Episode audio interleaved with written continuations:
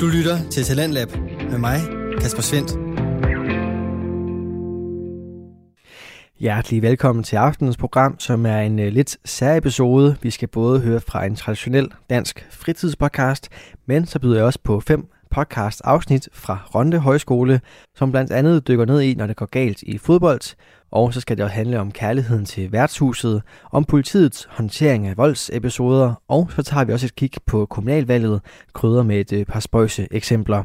Men først så står den på traditionel dansk fritidspodcast. Velkommen til.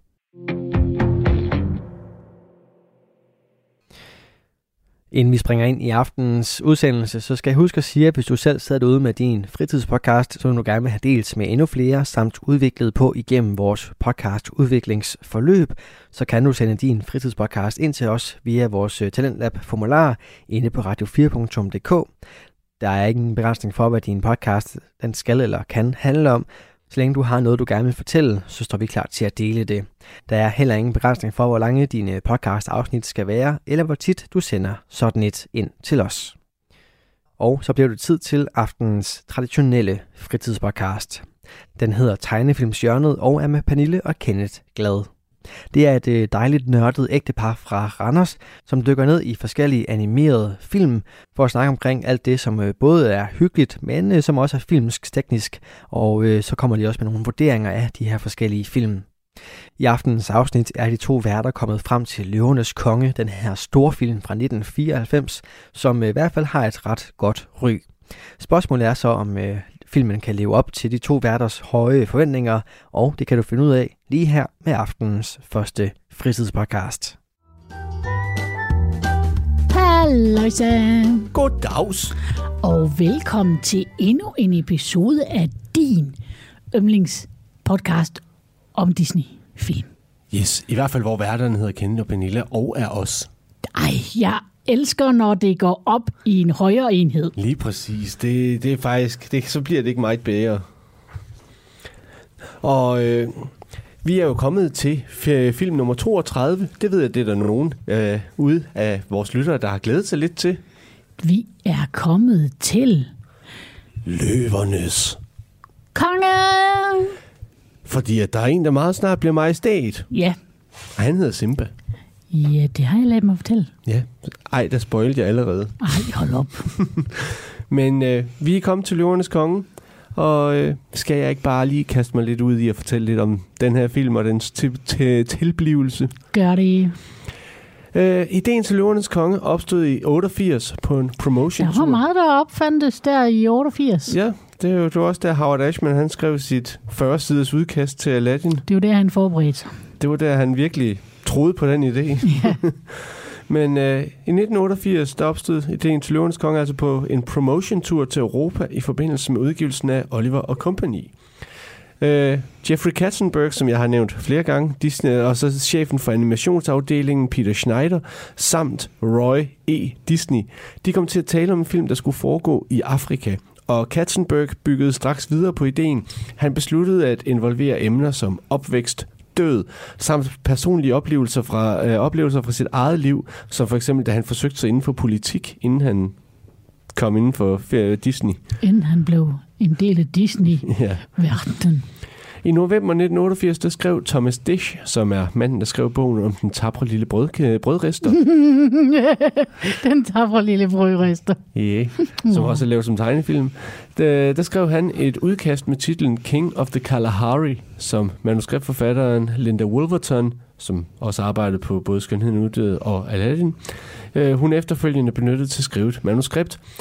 Denne historie var dog noget anderledes, end hvad der endte med at vise sig i den færdige film. Det synes jeg tit, det sker. Ja, det er måske meget godt, at de, at de rent faktisk bruger noget tid på at bearbejde det sådan at lidt. De starter et sted, så slutter de noget helt andet. Ja, lige præcis. Plottet handlede om en kamp mellem løver og bavianer, hvor Skar var bavianernes leder, og Rafiki var en gepard. I denne udgave flygter Simba heller ikke fra kongesletten, men bliver i stedet den dogne træls type på grund af Skars manipulering, så Simba ikke ville blive valgt til konge, når han var gammel nok. Ja, det var da en helt anden historie. ja, det må du nok sige. Hold, hold, hold op.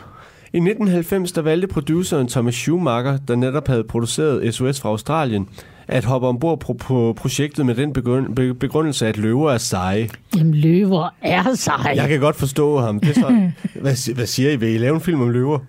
Jeg vil være med. Jeg er så med. Adskillige medlemmer af filmholdet øh, tog på en rejse til Hell's Gate National Park i Kenya for at studere og få en forståelse for det miljø, filmen skulle foregå i. Oprindeligt var det meningen, at instruktøren George Scribner skulle instruere, men han valgte på et tidspunkt at forlade projektet, da de højere magter i Disney-studiet hellere vil have, at filmen skulle være en musical, end den dokumentariske filmtype med fokus på naturlige aspekter, som George Scribner var interesseret i at lave. Jeg er ked af det, Geo, men jeg er glad. Løvernes Konge bliver kaldt den første Disney-klassiker, der er baseret på en original historie frem for på et allerede eksisterende værk. Alligevel har folkene bag erkendt at være inspireret af historierne om Josef og Moses i Bibelen, samt af Shakespeares Hamlet.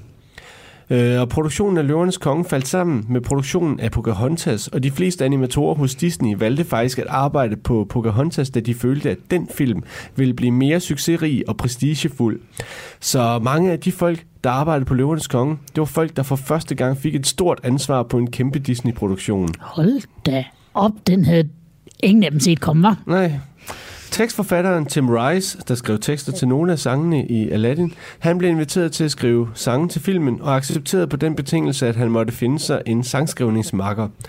Øh, Alan Menken, der skrev musikken til Aladdin og flere andre Disney-film, han var på tidspunktet i gang med at skrive musik til Pocahontas, og Tim Rice foreslog i stedet folkene fra ABBA, men Benny Anderson, han var på tidspunktet selv i gang med et musical-projekt, så Rice han foreslog i stedet Elton John, og de to vandt en Oscar for årets bedste sang for Can You Feel the Love Tonight, så det var måske et meget godt valg. Jeg siger tak.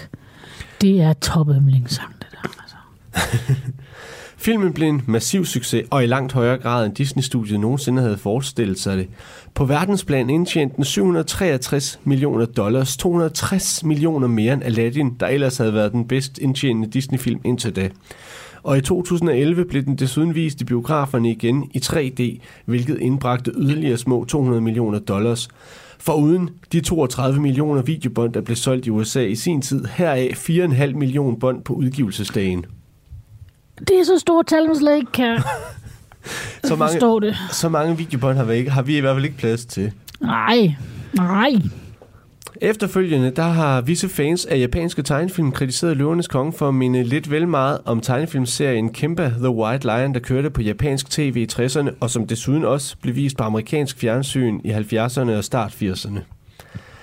Og Det skal jeg ikke kunne udtale mig om. Jeg, jeg, har set jeg har set der. lidt klip på YouTube, og det vil jeg ikke gå alt for meget ind i, men jeg, kan, jeg kan godt se, hvad de mener, men det må folk selv opsøge, Ja. hvis de vil se mere om det. Nå, skulle der ske det utrolige, at du ikke har set Løvernes Konge, så er det nu, vi hellere må sige spoiler alert. Beep, beep, beep. Vi skal nemlig til at snakke om, hvad der sker i filmen. Eller helt konkret skal Pernille til at snakke om, hvad der sker i filmen. Har Pernille udarbejdet en fantastisk resume? Ja, men øh, vi holder lige pause, så, så, kan, så kan du nå at se den, eller gense den, alt afhængig af. Hvis du ikke har set den, så burde du faktisk skamme dig lidt. Og så, så er jeg klar med det samme efter. Ja. Jeg er klar nu. Er du klar? Jeg er klar nu.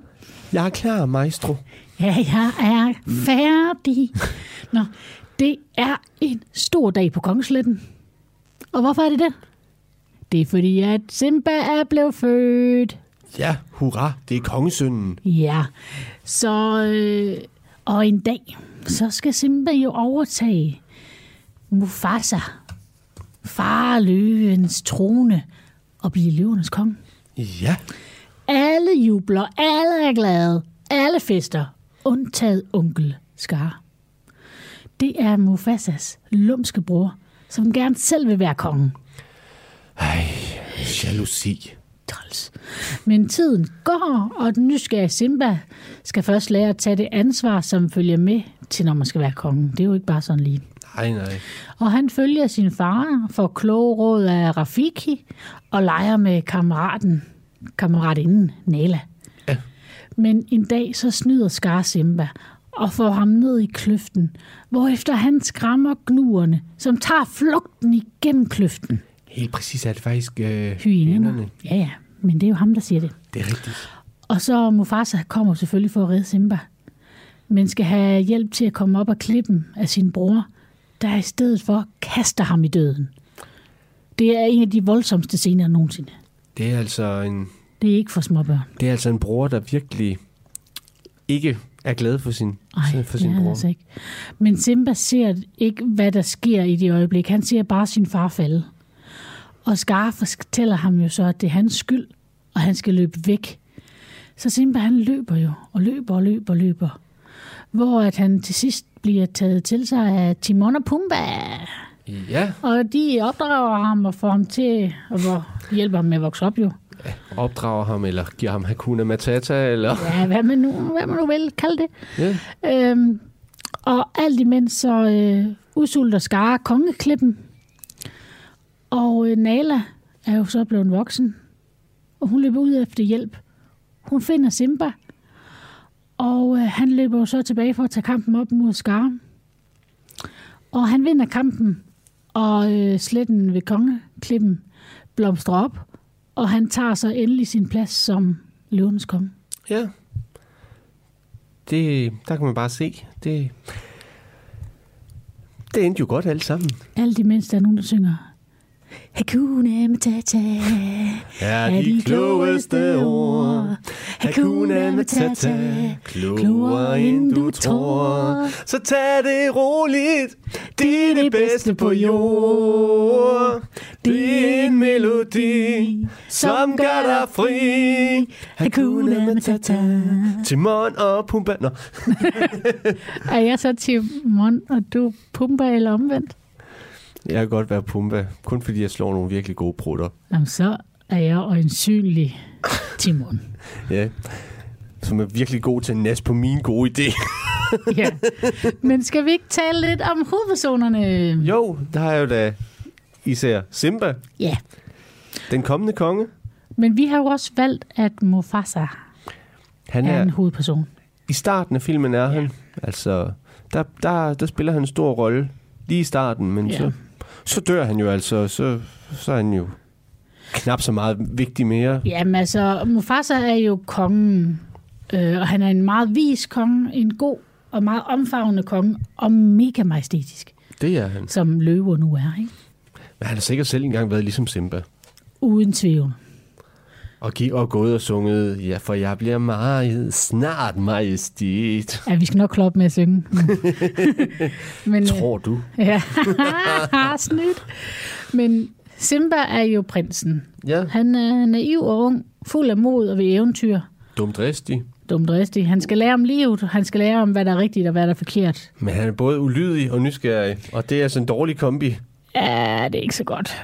Og så. hvor er det jo, han ikke må gå hen? Han må ikke gå ud på elefantkirkegården. Hvor er det, onkel Skar siger til ham, at sådan, s- s- s- snakker om, at ej, nå, uha, der kommer jeg til at snakke over mig. Der må du aldrig nogensinde gå hen. Det må Nej. du love mig. Så gæt, hvad han gør. Han, Sammen med Nala. han går ud på den her elefantkirkegård. Han går lige præcis det, han ikke må. Ja, møgunge. Altså. Møgunge blev der Men sagt. øh, så kom vi jo direkte over i en sidekick. Ja, Det var Nala. Ja, Hans bedste kammerat. inde. Inde. Det, ja, og de, og de skal jo giftes en gang. Det, siger, det, siger, det, det får de jo også, vid- også at vide. Og det er jo lidt heldigt, at de så bliver forelsket og lever lykkeligt til deres dages ende. Ja, det er meget heldigt. Jeg elsker, når det går op. I en højere enhed. Så, øh, Så har vi jo to andre sidekicks. ja. Der er Det er jo ansynligt mig og dig. Ja, lige præcis. Timon og Pumba. Lige præcis. For da jeg var en teenage-gris. Og øh, det er, jo, det er jo to af de mere fantastiske sidekicks, vi har i Disney-sammenhæng. Jamen, de har jo også fået deres egen serie. Ja, men lige præcis, som kører de tre sæsoner. Altså, Ja, det var lidt vildt. Men uh, Timon er jo et desmodyr. ja, Han er den selvudnævnte leder. Ja, på trods af, at han egentlig nogle gange måske er hele tiden er relativt inkompetent. Ja. og, øh, og nasser på, på, på, på Pumbas idéer. Pumba har måske ikke nær så meget selvtillid som, øh, som Timon, men til gengæld så og måske, jeg er ikke sikker på, at han nødvendigvis tænker over det, men de gode idéer, de kommer altså bare frem nogle gange i en lindstrøm.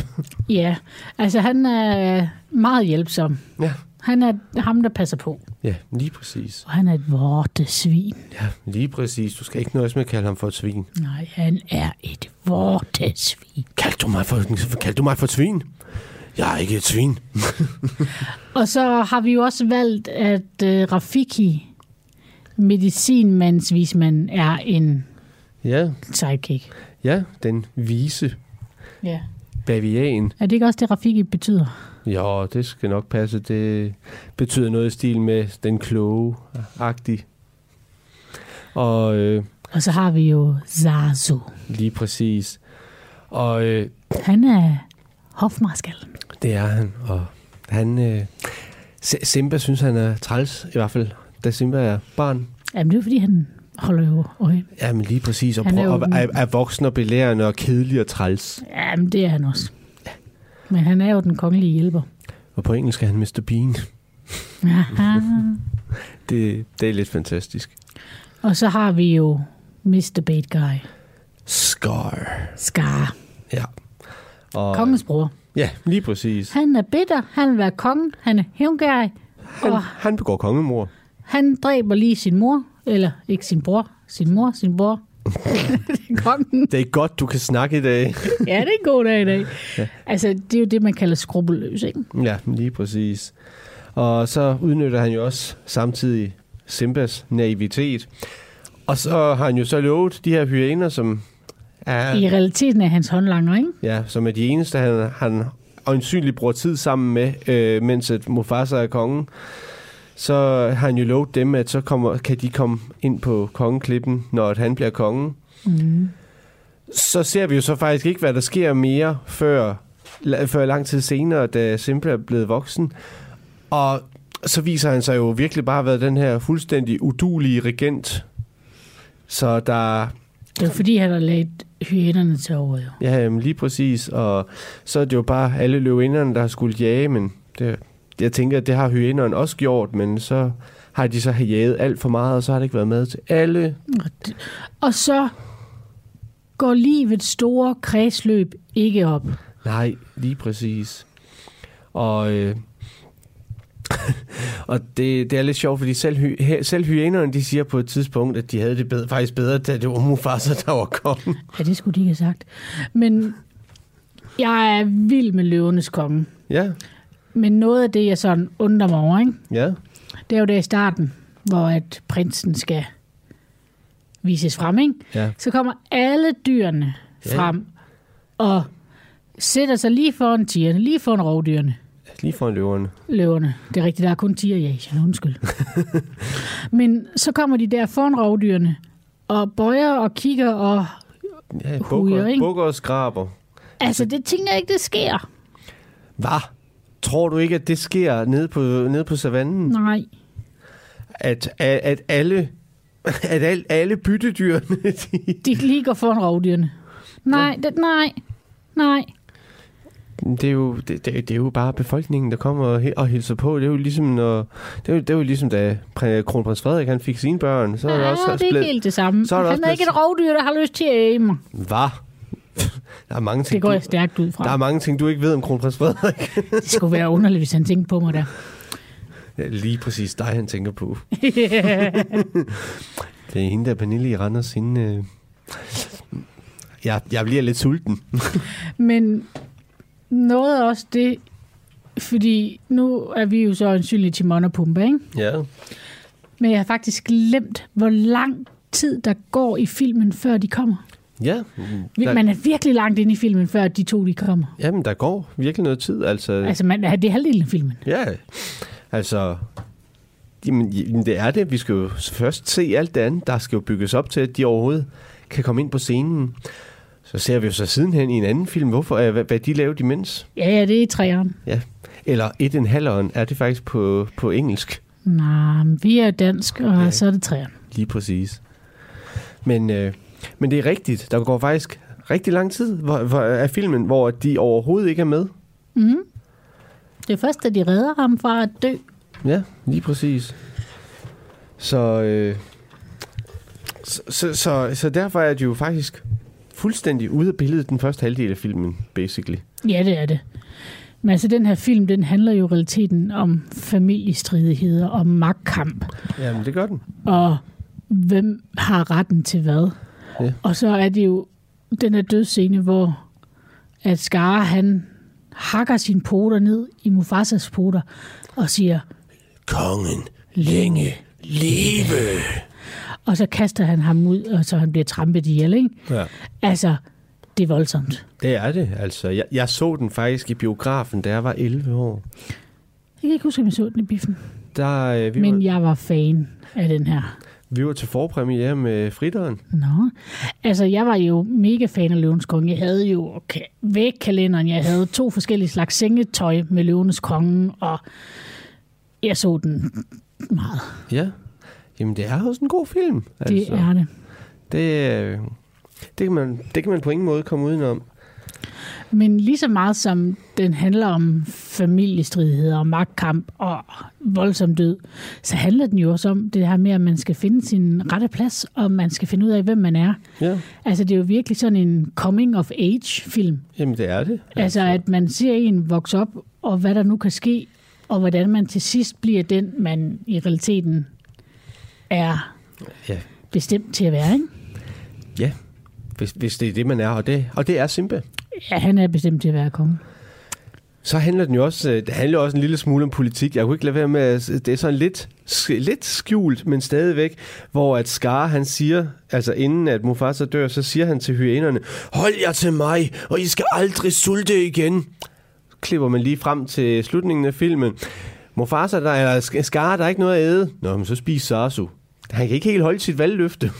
Nej, altså der, hvor at i den scene, hvor at han synger hans uhyggelige sang, og der er limegrøn, og det er ondt, som der er jo Disney. altså, det, det er jo også sådan en eller anden politisk march. Jamen det er det. Det er jo, nærmest, altså, det, er jo, det er jo næsten Nürnberg-marchen ved Hitler. Ja, det er sådan lidt.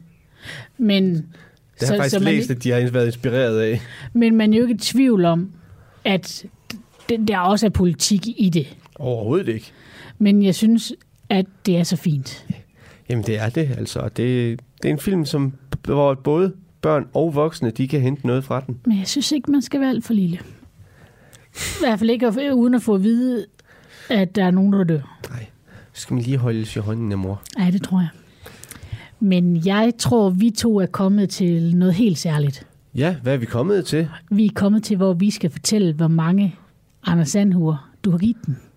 Gør jer klar. Jeg har givet den 6, Hvorfor seks? fordi at det er en virkelig, virkelig god film. Og jeg kan virkelig godt lide Løvernes Konge. Den kommer bare ikke helt op og ringe for mig, men det er Men meget tæt på. næsten. Meget tæt på. Men jeg kan så sige, Den kommer helt op og ringe. den er helt op og ringe ved Pernille. Jeg giver den syv. Jamen for Jeg giver den syv ud af syv Mickey Mouse. Så det vil faktisk sige, at den er på samme hylde som din yndlings skønhed nu, Ja. Jamen, øh, så ved vi, at du har to yndlings. ja, men den anden er jo med en Disney-prinsesse, så jeg ser dem ikke helt som det samme. Ja, det er selvfølgelig rigtigt. Prinsessen, hun kommer først i toeren. Simpas datter. Nå, ja. Altså, jeg ser det jo ikke helt som Disney-prinsesse, vel? Nej, det er rigtigt nok. Det, det er rigtigt nok. Dy, dyreprinsesserne, de er aldrig sådan rigtig kommet med i prinsessekanonen. Det er fordi, det er jo ikke et menneske.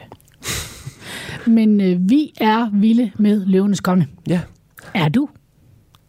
hvem er ikke? Det ved jeg ikke, hvor mange sarsuer giver du den?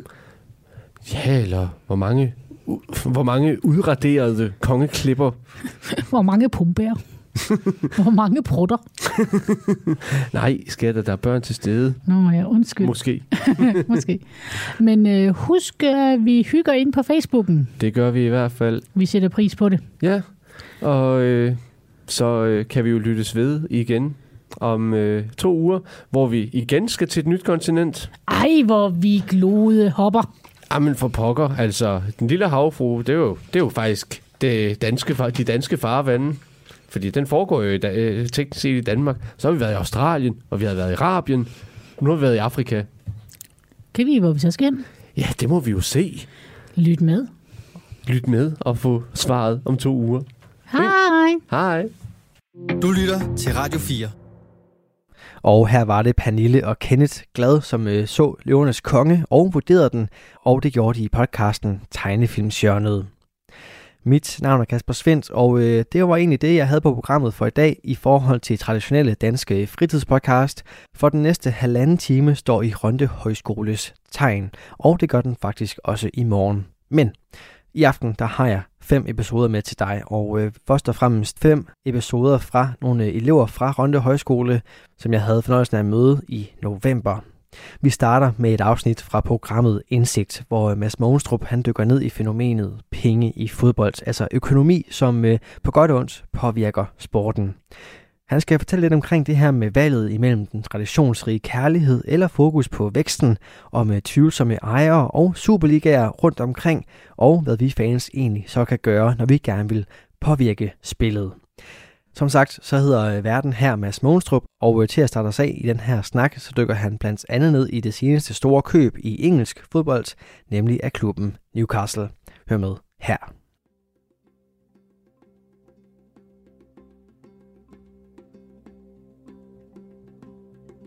Om morgenen på den 7. oktober år 2021, der kunne det engelske ligaforbund bekræfte, at storklubben Newcastle United var blevet solgt til den saudiarabiske investeringsfond Public Investment Fund. Prisen, ja, den lød på omkring 2,7 milliarder danske kroner. Og i spidsen for den her investeringsfond, der står ingen ringere end den saudiarabiske kronprins Mohammed bin Salman. Investeringsfonden menes at råde over en formue på omkring 2,7 billioner kroner. Og det er rigtig, rigtig mange penge. Faktisk så mange, at det kan være svært at danse et begreb om som almindelig dødelig. 2,7 billioner kroner.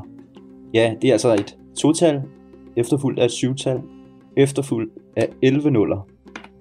Og det betød i realiteten, at Newcastle over natten gik fra at være en klub med en nogenlunde og middelmåde økonomi i den bedste engelske fodboldrække, til at være den rigeste fodboldklub i hele verden.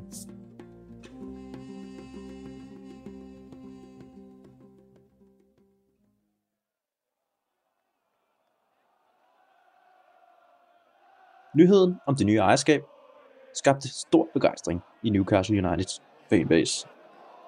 Ikke mange timer efter at nyheden brød om morgenen, ja, så opstod der en spontan folkefest foran stadion på St. James Park Newcastle Uniteds hjemmebane i mere end 125 år. De fleste bar klubbens klassiske zebrastribede hjemmebanetrøje i sort og hvid. Men hvis man rettede sit blik det rigtige sted hen, ja, så kunne man se folk, der var mødt op i det klassiske, stereotype olie sheik outfit. Altså et arabisk tørklæde kaldt kefie, kombineret med solbriller, og så gerne klubbens hjemmebane, tror jeg. som en slags hyldest til de nye ejere.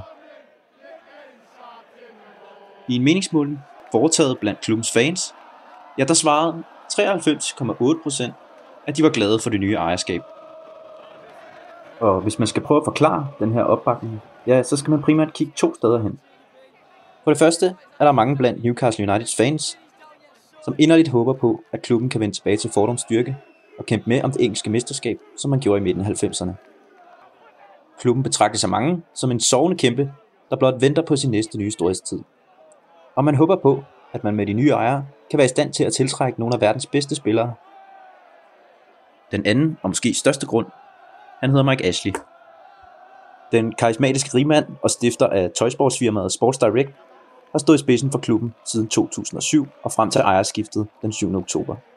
Og i sine 14 år på posten, der nåede han at opbygge et omdømme, som den måske mest forhatte mand i hele fodbold England. I sin tid som ejer af klubben, ja, der formåede han at rykke ned hele to gange. Første gang i 2009 og for anden gang i 2016.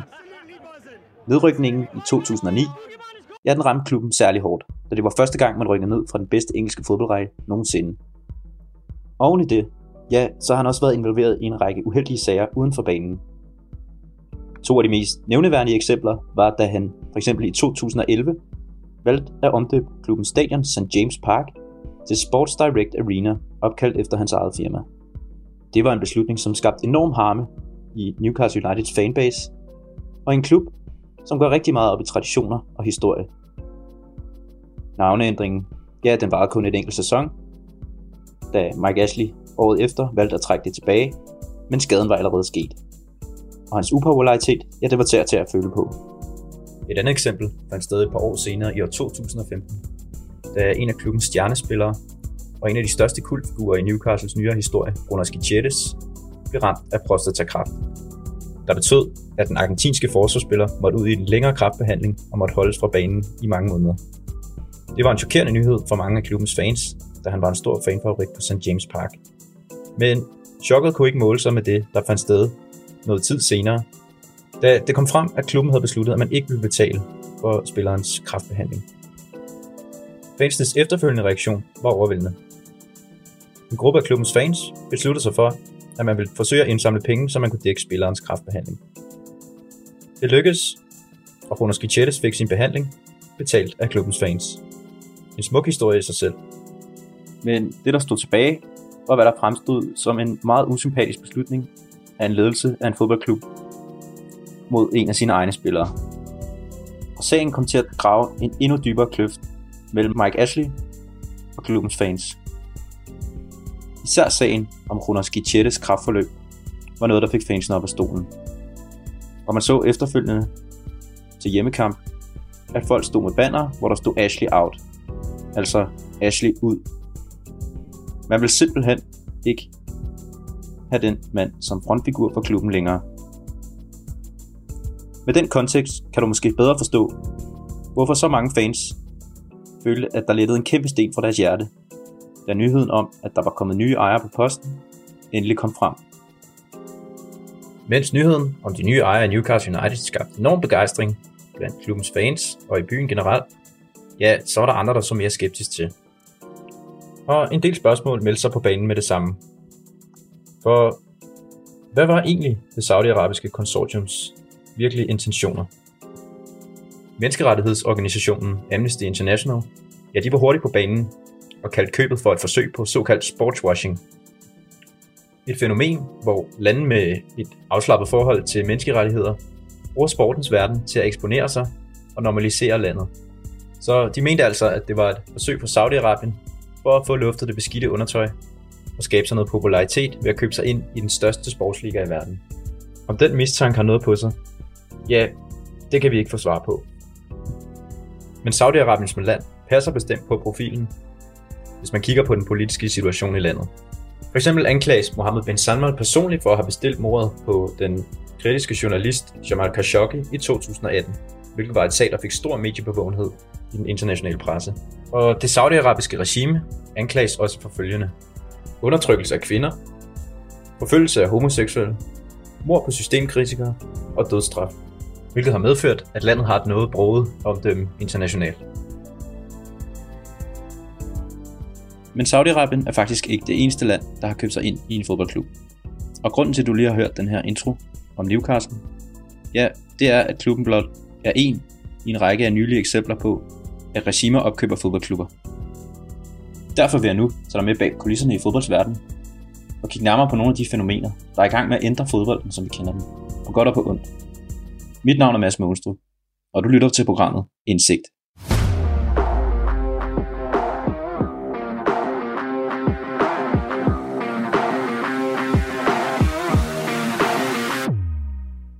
Siden den russiske oligark Roman Abramovich købte sig ind i Chelsea i år 2003, er udviklingen med superrige ejere i fodboldklubber kun været stødt stigende. Og hvis man kigger på de 10 rigeste klubber i Europa lige nu, ja, så kan man kunne udlede, at listen domineres af udenlandske ejere. Faktisk er de tre rigeste klubber lige nu, Newcastle, PSG og Manchester City, alle sammen ejet af investorer fra den arabiske halvø. Derudover ser man, at lande som Azerbaijan, Kina, USA, Rusland, Katar, Saudi-Arabien og de forenede arabiske emirater har enten ejerskab eller sponsorater i nogle af de største klubber i Europa. De to spanske mastodonter, Real Madrid og Barcelona, sponsoreres af henholdsvis Qatar Airways og Fly Emirates. Ja, og så er der Gazprom, et statsejet russisk gasselskab, som sponsorerer Champions League og den tyske klub Schalke 04, der på trods af sin nedrykning til anden Bundesligaen i sidste sæson, stadig er en af de største klubber i Tyskland. Noget af det, der falder allermest i øjnene, når man kigger på de 10 rigeste klubber i Europa lige nu, ja, det er, at Newcastles nye ejere, Public Investment Fund, tilsammen har en formue, der er større end de resterende 9 klubber tilsammen. Og nu tænker du sikkert, Nå jo, men det er da meget fint. Men hvad er egentlig pointen med det, du siger? Jo, nu skal du bare høre. Det jeg vil forsøge at gøre i den her episode, er at kaste et kritisk lys på den måde, som fodboldklubben bliver drevet på i nogle af de største europæiske ligaer, og komme med mit bud på, hvordan fremtiden i fodbold ser ud. Derudover vil jeg kigge på, hvordan ejerskaber i nogle af de største europæiske fodboldklubber er med til at skabe problemer for resten af fodboldverdenen, og skabe nogle udfordringer, som kan have uforudsete konsekvenser for den måde, som vi anser spillet på. Og på den måde håber jeg på at kunne inspirere dig til at tænke lidt mere kritisk over det produkt, som du nyder at se på sofaen en lørdag eftermiddag. Helt overordnet set, så mener jeg, at de rige ejere de skaber flere problemer end løsninger for fodboldverdenen. Jeg vil godt lægge ud med at tage den her diskussion op på et lidt højere niveau. Og hvordan indflydelsen af penge går ind og rokker med noget af det helt fundamentale ved sportens ånd. Der er et ordsprog i fodbold, der hedder, at bolden er rund. Hvilket i al sin enkelhed betyder, at spillet er tilfældigt, og sådan skal det være. De store hold har mulighed for at slå de små hold, og vice versa. Det er det, der helt grundlæggende gør fodbold seværdigt, og gør, at så mange følger med i spillet uge efter uge. Bevares. Fodbold er der stadig et kompetitivt spil, hvor alle hold kan vinde mod alle. Vi ser stadig eksempler på, at små hold dukker op og laver den store overraskelse, som for eksempel da Leicester City vandt det engelske mesterskab i år 2016. Men der bliver længere og længere mellem snapsene. Og den udvikling, som vi ser i de største europæiske ligaer lige nu, er, at de store hold simpelthen stikker af fra de mindre hold. De er simpelthen så økonomisk overlegne, at de andre hold ikke kan følge med. De superrige klubber har også råd til superstjernerne, og det afspejler sig i pointene, som de skraber sammen. I England er man begyndt at tale om, at de to største klubber, Liverpool FC og Manchester City FC, faktisk spiller i deres helt egen liga, som foregår uden resten af selskabet. Et godt eksempel på, at fodbold er blevet de rige klubbers spil, så man i sidste sæsons udgave af Champions League, hvor tre ud af de fire klubber, der var tilbage ved semifinalerne, var en af de såkaldt superrige klubber. De tre klubber, der var tale om, var henholdsvis Manchester City, Paris Saint-Germain og Chelsea FC, som er nummer 2, 3 og 4 på listen over de rigeste klubber i verden. Dermed ikke sagt, at det vil se sådan ud hvert år, men det er da tankevækkende, at de rigeste klubber også ender på de fineste pladser i verdens fineste fodboldturnering, Champions League. Og hvis man vil udpege, hvorfor det ser sådan ud, så kan man bare prøve at tage et kig på de to klubbers spillertrupper. I efterårssæsonen 2019-20, der besad de to klubber faktisk de to øverste pladser på listen over klubber med de mest værdifulde trupper. Og Manchester City blev det første fodboldhold nogensinde til at have en trup med en værdi på over 1 milliard pund.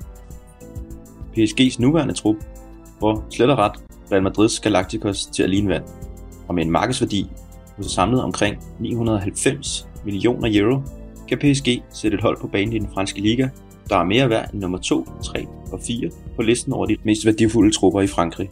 Nu tænker du måske, at det hele bare er en gang romantisk plader, og mig, der romantiserer fortiden, og at fodbold var bedre i gamle dage. Og til dig vil jeg sige, du har helt ret. Men det er det, der gør fodbolden levende, og gør, at vi kommer tilbage uge efter uge. Det er drømmen, der driver værket for de fleste fodboldspillere og fodboldfans. Og hvis vi lige skal blive et øjeblik ved dem, ja, altså fansene, så kan vi jo prøve at kigge på, hvad der er, der skaber utilfredshed blandt dem. Den måde, som fodbold bliver drevet på i dag. Og hvis man foretog en rundspørg blandt de engelske fans om, hvad der nærer dem mest omkring fodboldens udvikling, ja, så vil de fleste nok svare, at det er stigningen i billetpriser. For ideen om, at den arbejdende mand kunne bruge sin søndag på at lukke verden udenfor og gå i kirke på et fodboldstadion, ja, den er længe død og begravet. Og de engelske fans, især, har i mange år råbt op om de alt for høje billetpriser på stadion. Det man har set inden for de sidste 10-15 år, er, at sæderne på de engelske stadions bliver fyldt i højere grad af turister, og i langt lavere grad af de lokale fans, som skaber den stemning, som vi alle sammen sætter pris på. Det engelske fodboldforbund har flere omgange forsøgt at imødekomme problemet.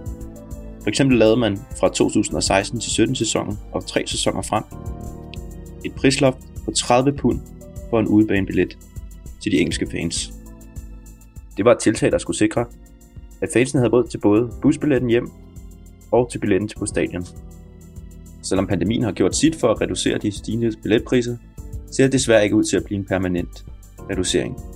Og de engelske klubber må på ledelsesgangen gøre op med sig selv, om man vil have de lokale fans på stadion, eller om man hellere vil tiltrække folk fra resten af verden. Men man kan ikke fortænke dem i, at gerne vil have fat i turisterne. Da det er dem, der lægger pengene i merchandise-shoppen.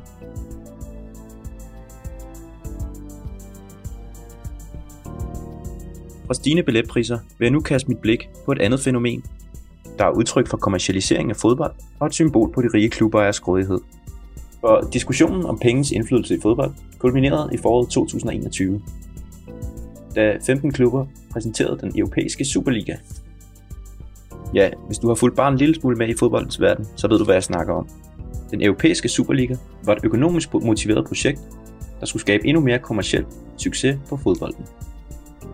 15 af Europas allerstørste klubber gik sammen for at skabe en turnering, der skulle bestå af 20 hold fra de største ligaer i et fast lukket ligasystem. I spidsen for denne afhopperliga stod Real Madrids mangeårige præsident Florentino Pérez.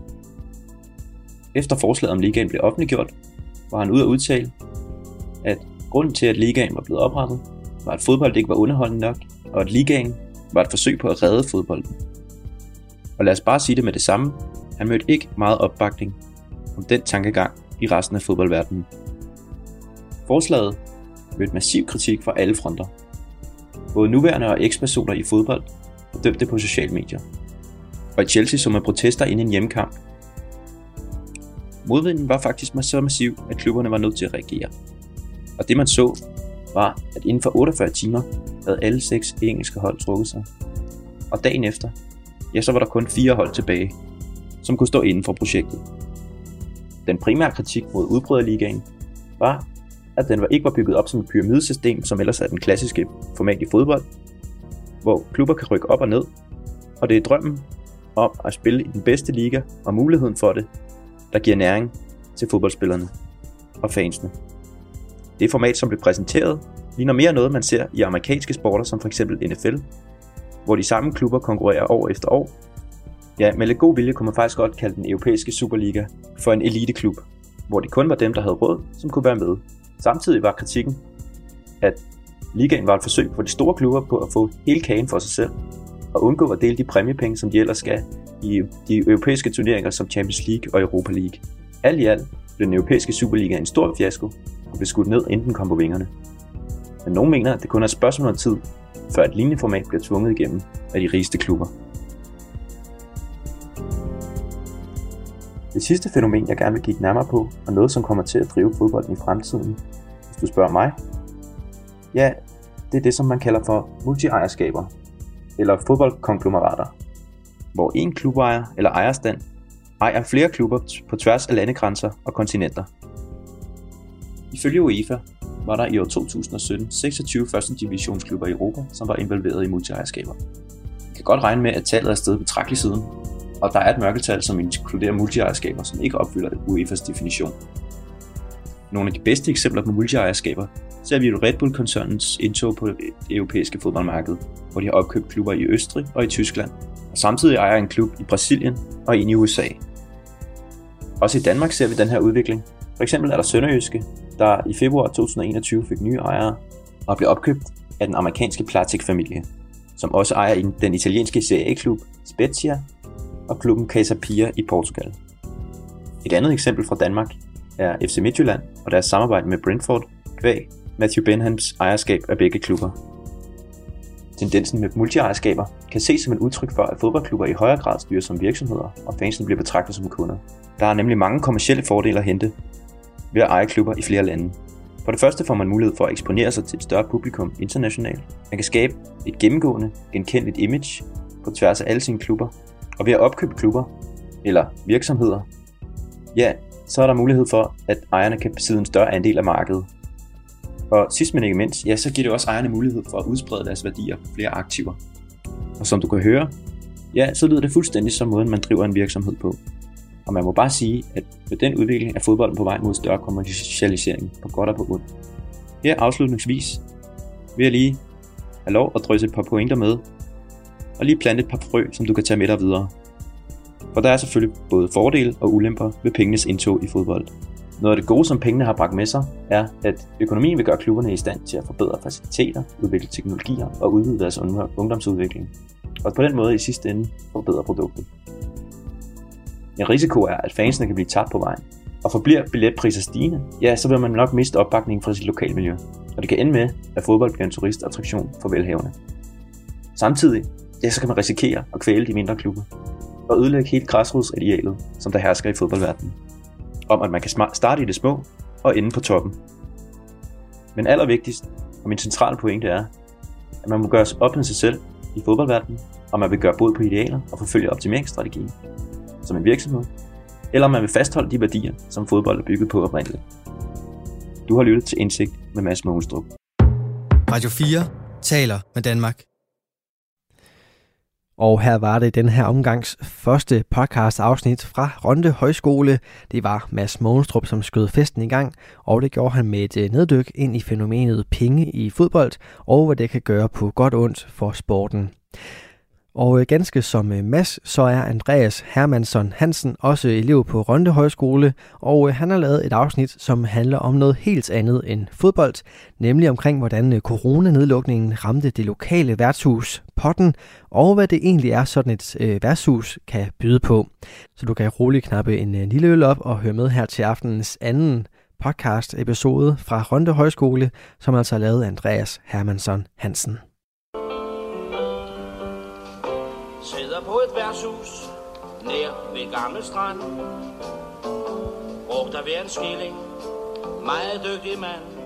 Siden 1971 har John Mogensen sang Sidder på et værtshus været aktuel. Men den 16. december 2020 trådte nye covid-19 restriktioner i kraft, som medførte, at værtshuset landet over blev beordret midlertidigt lukket. Og alt sammen blev titlen på sangen Sidder på et værtshus forældet. Og selvom John Mogensen synger om en fordrukken mand på et værtshus, er det bestemt ikke alle, der bruger det lokale værtshus som et sted, hvor man bare drikker sig fuld. Det er også et åndehul eller en tidslomme. Værtshuse er et af de steder, der er kendt for at rumme folk, der kæmper med problemer, store som små, og kan sammenlignes med en form for terapi. Det er de steder, der gennem det at være social, formår at fjerne tvivl om det at stå op eller blive hjemme. Men alt dette så sin udgang den 16. december 2020, da værtshuset landet over blev beordret midlertidigt lukket ned.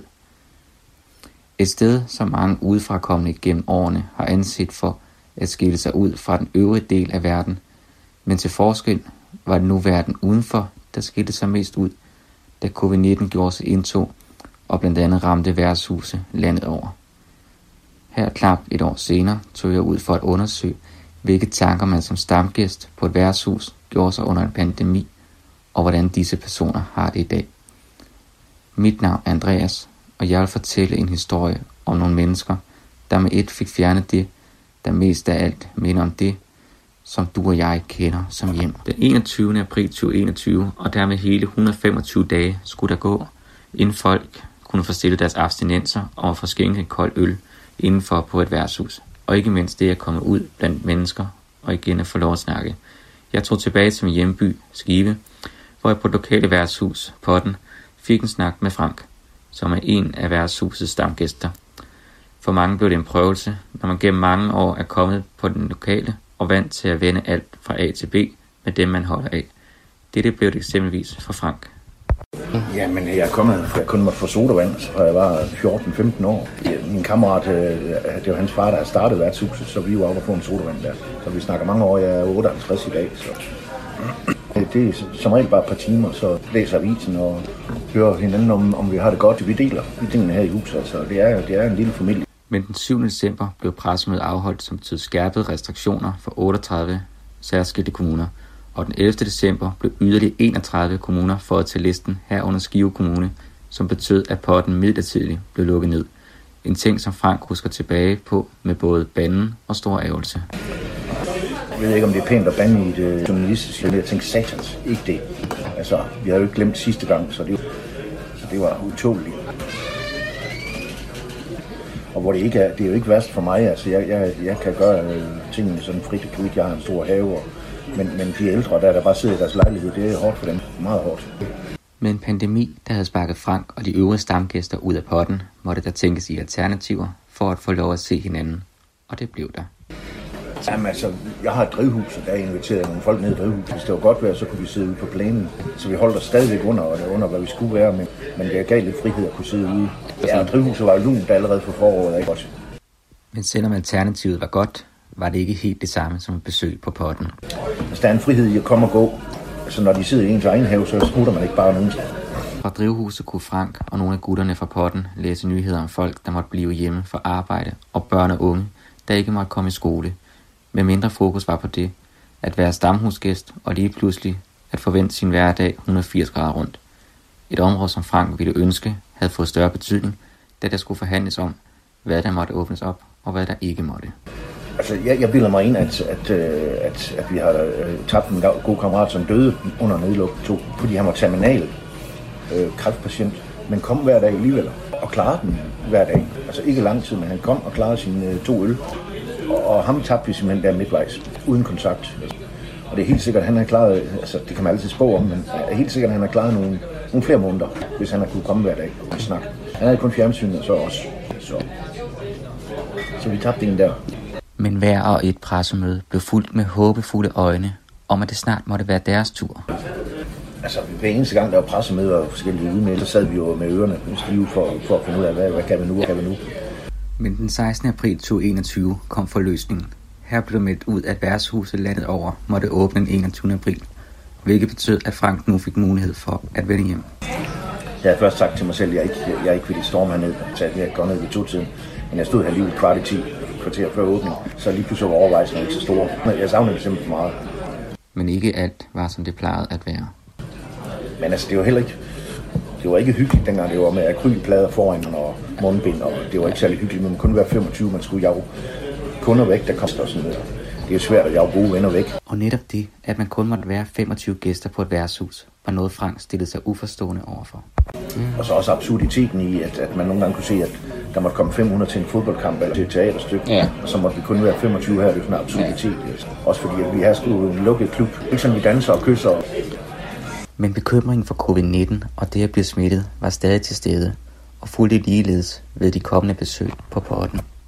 Det synes jeg egentlig, for det var før nogen øh, var rigtig blevet vaccineret, noget der var podning og sådan noget. Så, så vi passede der på. Det er med sprittet og mundbind, jeg ved ikke hvad. Vi måtte jo ikke stå op uden mundbind. Så, så det, det der bliver der passet på og passet med en podning. Altså jeg var trolig afsted til podning. Men i dag må Frank også erkende, at det ikke er alle, der er vendt tilbage til potten efter nedlukningen. Og vi har også øh, tabt nogen, der ikke er kommet tilbage. Ikke fejler noget. Som bare har fundet ud af, at nå, vi dropper pot. To, der kom hver eneste dag og har gjort det i 15 år. De holdt op, helt op. Altså, jeg, jeg ved, at, at øh, de er sunde og raske, i hvert fald de, de to, som jeg nævnte. Men vi er også en ældre herre, som, er, som er 90. Han kommer også hver dag. Men undervejs i nedluk 2, der blev han så dårlig, at han ikke kan mere. Han sidder så hjemme og er dårlig. Men han gik så glip af de sidste gode måneder, han havde. Så der sidder han så. Nogle besøger ham ved, at de, de ældre gruppe der. Så, så han findes endnu, men øh, han, han tabte bare det her sted. En ting, som Frank mener, skyldes to ting. Et, det, at man kommer ud af sin daglige rutine. Og det er den rutine, at hvis du som i den alder gør det hver dag, så kan du trille rollatoren afsted. Men når du så har haft rollatoren til at stå stille i, i så lang tid, så kan du ikke skubbe den nu længere. Det kender vi unge mennesker også, går til sport, og så de, de, de falder sammen. Så de elite sportsudøvere, de falder sammen, hvis de ikke kommer afsted. Og det gælder så også værtshusgæster. to, at nogen kan have dannet angst. Dem har vi også mødt nogle af. Ikke mange, men de findes, det er helt sikkert. Også nogen, som spritter videre, og som, som kun snakker corona, corona, corona, tør ikke, eller tør. Men lige nu er bekymringen for en ny nedlukning stor, når snakken på potten går. Det frygter vi. Det gør vi helt generelt. Daglige samtaleemne. Så jo blevet snakket meget corona, men, men det er i den grad kommet tilbage. Jeg havde lige lidt luft, hvor der ikke var så meget corona-snak, men den er godt nok tilbage lige nu. Også fordi alle vores nabokommuner, de er hårdt ramt lige Og så er der vist kun én ting at gøre. At krydse og håbe på, at en ny nedlukning vil udblive, så Frank og de andre stamgæster kan mødes fast på potten. Du lytter til Talentlab med mig, Kasper Svendt. Her var det Andreas Hermansson Hansen, som øh, stod for den her aftens andet podcast afsnit fra Rønde Højskole, og derfra der har jeg i næste time hele tre styks med videre klar til dig. Mit navn er Kasper Svendt, og øh, inden vi springer ind i de tre afsnit, så skal vi lige have et øh, nyhedsoverblik, og det kommer her leveret af verdens bedste nyhedsoplæser.